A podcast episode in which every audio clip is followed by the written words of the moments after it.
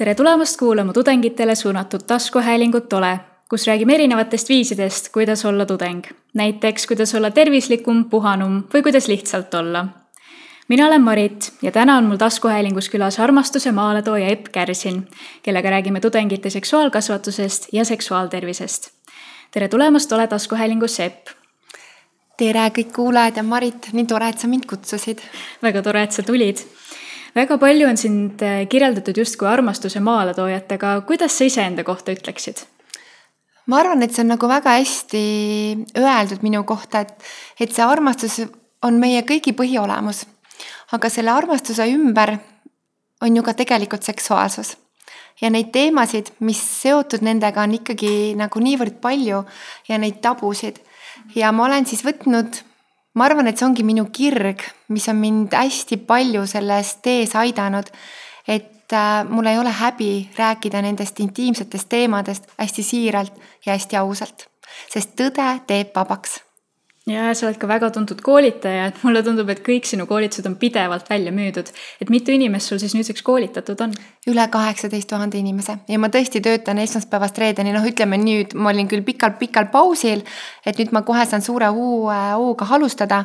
aga jaa, ma töötan esmaspäevast reedeni jah, see on, no see on vinge ikka aga kui nüüd ilma pikema sissejuhatuseta oma esimese teema juurde minna, seksuaalkasvatuse juurde, et kui oluline sinu arvates on üldse seksuaalkasvatus? See on äh, ütleme täpselt sama tähtis kui teadmine majandusest, rahast, äh, matemaatikast, isegi võib-olla matemaatika ja kui rääkida seksuaalsus, siis mina väärtustaksin seda seksuaalsust rohkem. Ja just sel põhimõttel, et täna Eestis lahutatakse üle viiekümne protsendi abieludest. Ja meile ikkagi täna veel kooliharidussüsteemis ei osata väärtustada, kui oluline on teadlikult luua paarisuhe ja kui oluline on paari suhtes see, mis toimub magamistoas. Jah, aga kust üldse see inimene peaks need põhitõed selgeks saama, et kas see esimene koht peaks olema kohe kodus, noorest peast koolis, peaks ise õppima, ise otsima? mina näen äh, enda, ütleme läbi kogemuse seda, et äh, näiteks õpetajad, kes õpivad õpetajate seminaris et juba seal oleksid neil olemas väga sellised head loengud, et nad tunneksid ennast klassi ees nendel teemadel rääkides enesekindlalt. koolihariduses, see võiks olla juba algklassidest peale, et vastavalt vanusele me käsitleme neid teemasid. ja keskkooli lõpuklassides võiks olla see täiesti vaba ainena, et saada ka näiteks ka praktilisi kogemusi. see, mida mina täna siin teen, et ma ju kõike näitan mulaažide peal ja keskmine vanus nendelt inimestelt, kes on siin koolitusel käinud, jääb sinna neljakümne viie, viiekümne viie vahele. ja nad kõik teevad imestuses suured silmad, et miks nüüd, et seda oleks võinud olla ju kordades-kordades varem ja ma olen täiesti nõus, et mida varem, seda parem kindlasti. aga no praegu on Eestis ja üleüldse maailmas nii palju neid inimesi, kellel ongi seda teadmist nagu jäänud puudu ja vajaka. et kust nad siis võiksid seda infot otsida, et kas Google on tõesti see parim abimees? Google'ist, kui teil on olemas selline hea sisemine kriitik ja mingid algteadmised olemas, siis Google'ist leiab ka väga palju. aga ma arvan, et üks väljund kindlasti on minu koolitused ja siin on see, et isad käivad ju oma poegadega, emad käivad oma tütardega. kõige noorem osaleja on olnud kolmeteistaastane ja kõige vanem osaleja on olnud kaheksakümmend. et mitte kunagi ei ole hilja. ja paljud lapsevanemad ju kardavad neid seksuaalteemasid kodus ka rääkida, sest neil on ebamugav. Nemad ei ole kodus seda oma vanematelt kuulnud. et lapsevanemad ei tohiks karta seda, et kui laps äh, kuuleb või on teadlikum rohkem nendest seksuaalsetest teemadest, et siis ta hakkaks liiga vara seksima, kindlasti mitte. vastupidi, statistika näitab seda, et lapsed, nende esimene vahekord on palju hiljem ja nad on palju rohkem kodus nende teemadega ja nad oskavad ka kaitsta ennast äh, võib-olla välistest äh, mõjutustest, mis võib-olla muidu tuleksid, kui nad ei tea ja see teadlikkus on kindlasti väga oluline, aga väga paljud inimesed võib-olla jäävadki kinni sellesse mulli, et, et ma juba tean kõike. et kuidas üks inimene üldse saab aru, et tal on mingit infot puudu jäänud? ma arvan, et ta saab sellest aru siis, kui ta kuuleb kuskilt kedagi rääkimas hästi avameelselt. sest siin koolitusel on olnud ka mehi ja naisi, kes ütleb, ma arvasin, et ma tean kõike ja tundub, et ma ei tea ikkagi mitte midagi. ma ei pea ennast ise ütleme nii, nagu meedia on mind tituleerinud seksieksperdiks ja, ja, ja ma ei pretendeeri üldse absoluutsele tõele. aga minu võib-olla trump on see, et ma olen kogemuskoolitaja et ma jagan enda lugu ja nende tuhandete meeste ja naiste tagasisidet peale seda, mida nad on kogenud läbi selle koolituse. ja, ja kuidagi need pusletükid võib-olla, mis on inimese peas nagu ühest seksuaalteemast, teisest, kolmandast, siis nüüd tekib selline tervik. Ja mida rohkem sa oled avatud äh, võib-olla uuele infole, seda paremini ka sa seda omandad ja ainult praktika, praktika, veel kord praktika on see, et me saaksime nagu mehe ja naisena kogeda sellist täiesti teistsugust maailma. seda, millest meile koolis ei räägita ja ka kodus mitte. Aga kui ikkagi võiks rääkida, siis kas üks koht, kus sellest võiks rääkida, võiks olla ka näiteks ülikool. Ja, ja kuidas siis seda seal täpselt nagu läbi viia, et millest seal peaks rääkima, kas see võiks olla valikaine, vabaaine, mõni tasuline kursus? No see on ülikooli enda otsustada, aga ma arvan, et tudengite huvi selle koolituse või kursuse vastu oleks ääretult kõrge. Tänapäeva noored on ise nagunii avatud ja neil internetiavarustes on kõikvõimalikud äh, variandid seda infot kätte saada, aga mis võib-olla võiks olla ülikoolis, seal võiksid olla kõrval need teaduslikud uuringud. Sest ma tean, et Tartu Ülikooli, ma olen selle noormehe nime ära unustanud, et tema on teinud minu väljaütlemi-, ütlemistest uurimistöö. Ja tuligi välja, et need faktid, mida ma olen öelnud, ma olen ise hästi palju lugenud, et need ei ole kuskilt õhust võetud, vaid see päriselt nii ongi. näiteks, et üks õnnelik paarisuhe, meie vaimne ja füüsiline tervis on kordades parem. inimesed, kes on väga õnnelikus paarisuhtes, nad on palju loomingulisemad, nad on palju tervemad, on, nad on palju õnnelikumad ja inimesed, kes on hästi sellises düsfunktsionaalses paari suhtes, nende stress, depressiooni tase, ärevus, hirm, kõik, kõik see on palju kõrgem seal ja need inimesed on ka vastuvõtlikumad haigustele. Hiina meditsiin, mida ma olen äh, tudeerinud, kui nii võiks öelda, siis Hiina meditsiinis on üks äh, väga tore ütlemine, et hea seks teeb meid terveks ja õnnelikuks. ja terv sek- ja kehv seks teeb meid haigeks ja õnnetuks ja hea seksiga me saame saja erineva haiguse vastu. ma täiesti usun sellesse, sest immuunsüsteem läbi naudingute on kordades kõrgem. No eks Hiina meditsiin on tõesti suuri tarkuseid täis. aga sul on ju tegelikult ka endal täiesti noortele suunatud kursus, et kas sa räägiksid sellest ka natuke lähemalt? ja, et seal on vanus kaksteist kuni neliteist on üks grupp ja teine siis on vanus viisteist kuni seitseteist ja kuna ma, kuidas ma jõudsin üldse selleni, et hakata tegema selliseid loenguid noortele. ma käisin läbi sada erinevat Eesti kooli, tegin seda täiesti tasuta. Olin pannud kokku siis aluseks võttes Euroopa seksuaalhariduse standardid lugedes juurde väga palju erinevaid raamatuid, ka teaduslikke kirjandust ja noppisin välja siis enda jaoks selle olulise, millest mina oleksin tahtnud kuulda, kui ma olin vanus kaksteist, neliteist või siis viisteist ja seitseteist. Ja kuna nendest koolidest tagasiside oli niivõrd positiivne, siis, siis see oligi võib-olla nagu ajendiks, et miks ma hakkasin neid loenguid tegema. Ja tõesti, need loengud on ääretult populaarsed. et täna ma ei käi enam koolides, kui ma käin, siis ma ei tee seda enam tasuta. Ja väga paljud lapsevanemad, kes on käinud siin koolitusel, ongi öelnud, tead, Epp, sa räägid nagu nii lihtsalt nendest seksiteemadest, tead, ma saadan parem oma tütre või poja või ah, las tulevad mõlemad korraga, et sa räägid kõik neile ära.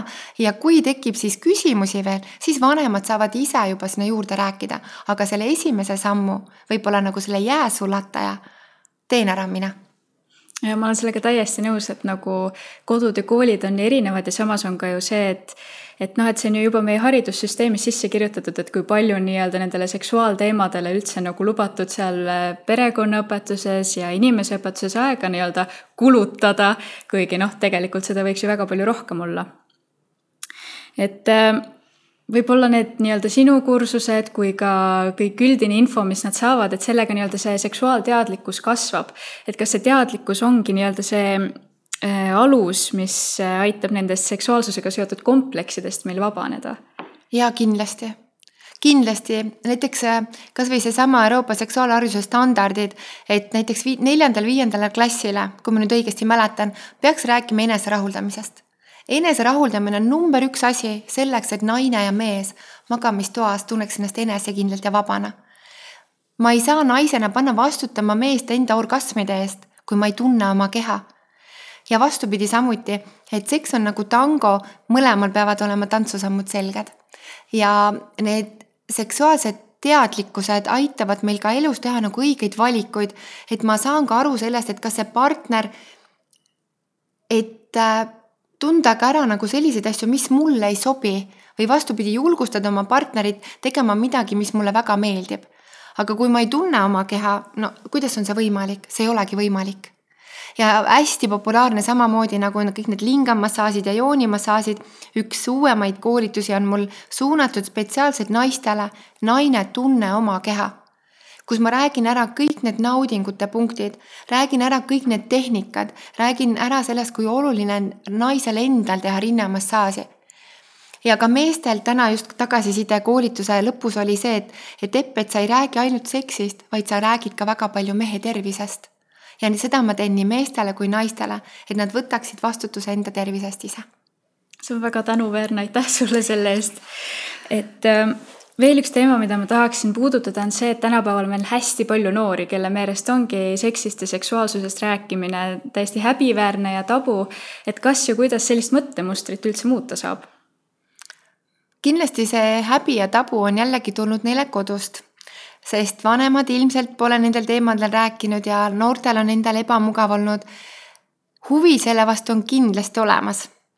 Aga et kuidas neid nagu nendest teemadest äh, vabastada, mis nad on oma peas võib-olla nii keeruliseks mõelnud, ongi see, et äh, tulge koolitusele ja üks vanem proua, kes on olnud tõesti kõige vanem, seitsmekümne kaheksa aastane, ta ütles ka, et ta on oma hirmudes ja häbides elanud rohkem kui viiskümmend aastat ja et see neli tundi muutis tema sisemaailma. Üks vanem härra, kes oli kaheksakümmend, ütles Epp, et sina räägid seksist nagu kartulisalatist. kuidas lõigata, hakkida, keeta, koorida, et kui suured tükid ja väikesed tükid ja et temal alles elu algab ma arvan, et inimesed oleksid kordades-kordades õnnelikumad, kui nad teaksid, kui palju on meil võimalik naise ja mehena kogeda naudinguid ja kui suur on see võimalus üldse nagu sel-, selles maailmas siin ja praegu avatult oma südamega, oma partneriga teineteisest niimoodi läbi põimuda nendest äh, südametest ja kogeda sellist tingimusteta armastust. armastuses ei ole kunagi midagi sada protsenti kindlat.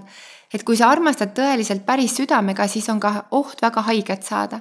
aga ma ütlen alati seda ka, et pigem armasta sada protsenti kui see, et see on midagi nagu justkui poolik et ärge tehke asju poolikult, et kui armastad, siis sajaga ja, ja kui see suhe on läbi, siis ära ole õnnetu, vaid mõtle, et mida on võimalik sellest suhtest kingitusena endaga kaasa võtta.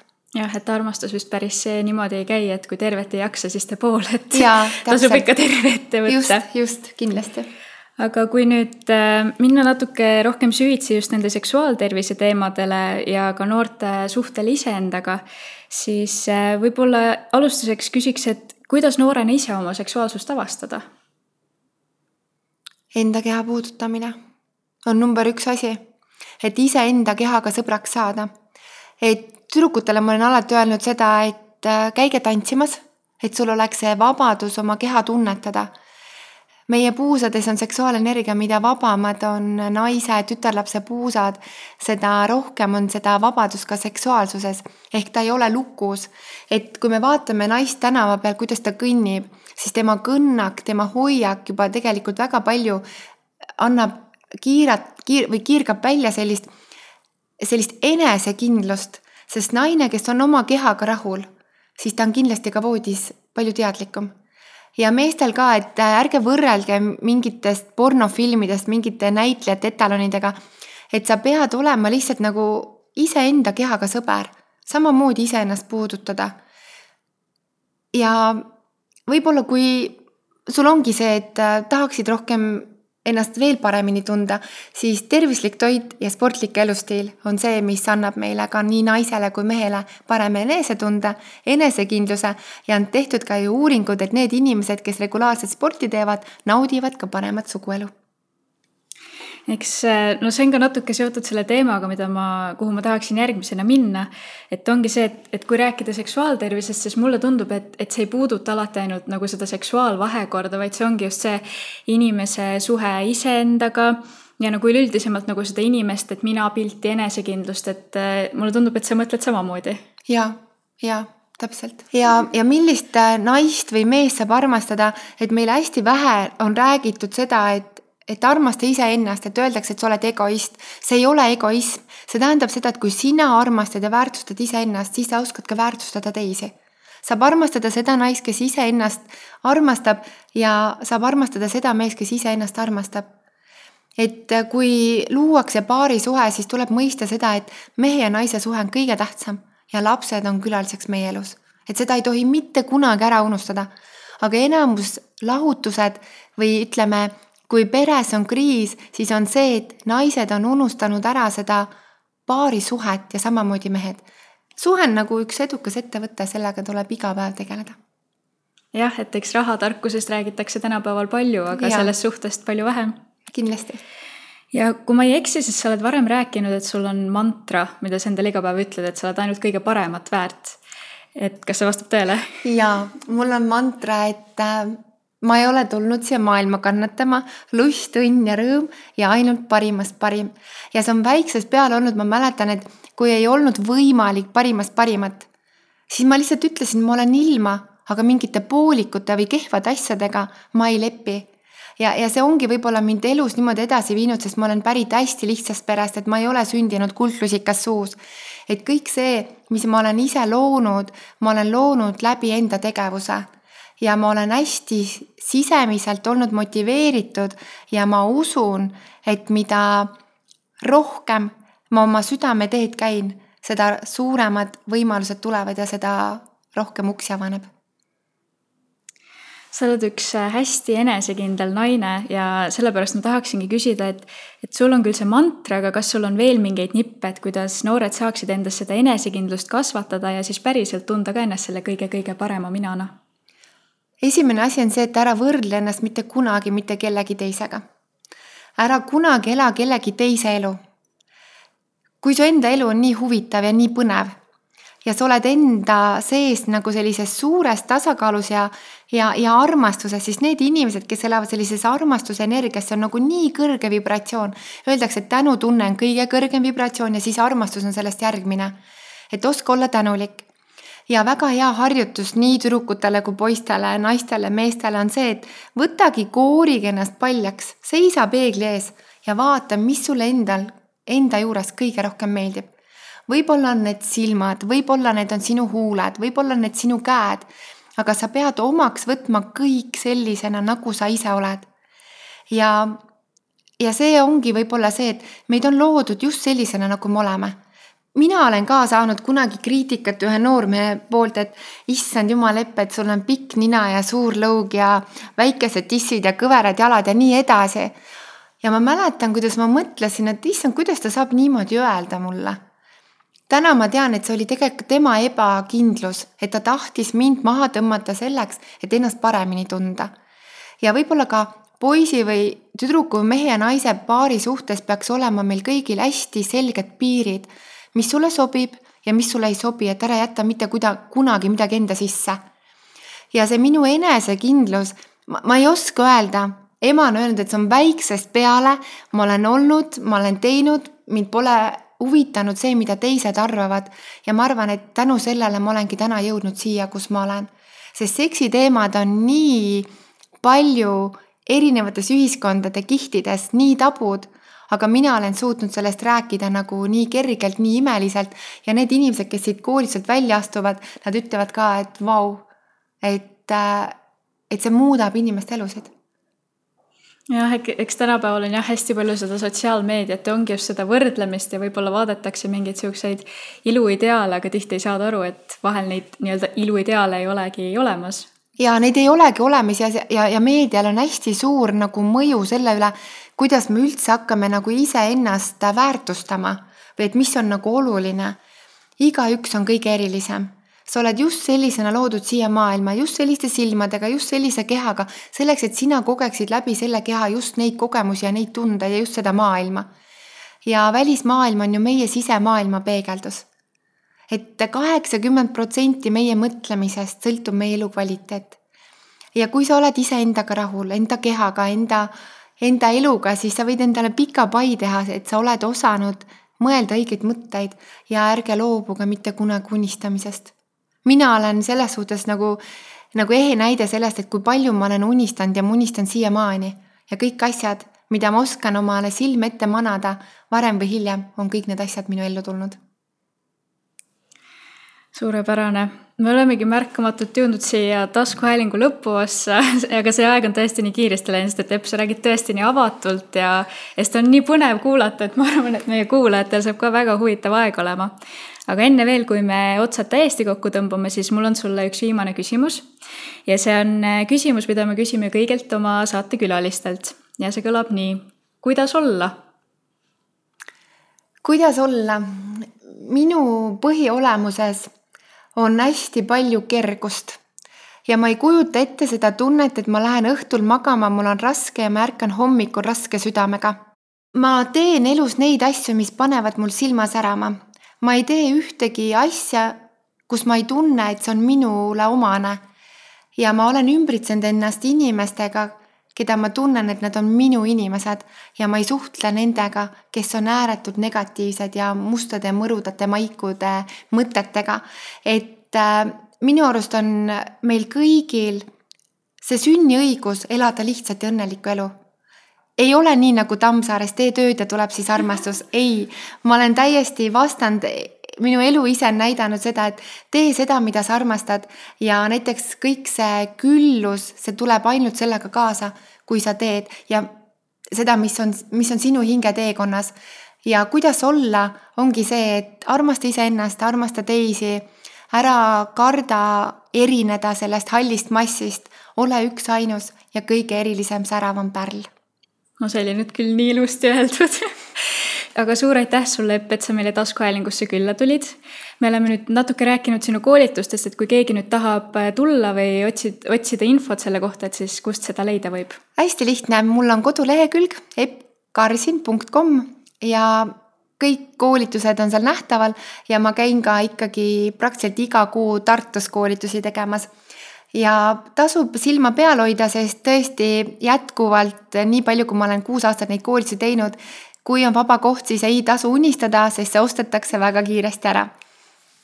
jah, olen täheldanud aga aitäh sulle, Epp, ja aitäh ka sulle, armas kuulaja. nagu alati, võid sa meile kirjutada oma ideid või anda tagasisidet ja muidugi olete oodatud jälgima meid ka Instagramis, at ole.lood.